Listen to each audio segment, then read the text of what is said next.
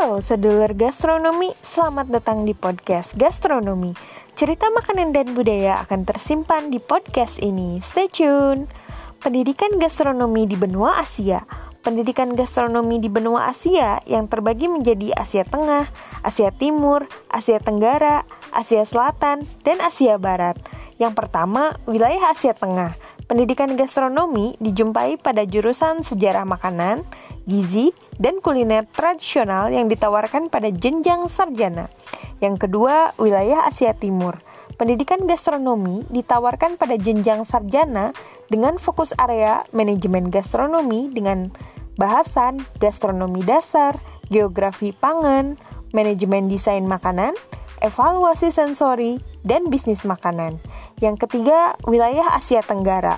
Pendidikan gastronomi ditemukan pada jurusan ilmu pangan, pariwisata, kuliner dan seni kuliner, tata boga, teknologi pangan, ilmu gizi pada jenjang sarjana dan pasca sarjana dengan fokus area gastronomi dan hanya sebagai mata kuliah pelengkap atau pengantar. Yang keempat, wilayah Asia Selatan. Pendidikan gastronomi ditemukan pada jurusan teknologi pangan, gizi dan pariwisata, serta pelayanan makanan dan kuliner global yang ditawarkan pada jenjang sarjana dan pasca sarjana. Yang kelima, wilayah Asia Barat. Pendidikan gastronomi ditawarkan pada pendidikan non-formal yang dikemas dengan paket wisata. Itulah berbagai jenis pendidikan gastronomi di benua Asia yang ditawarkan pada jenjang sarjana dan pasca sarjana. Sekian dan sampai jumpa.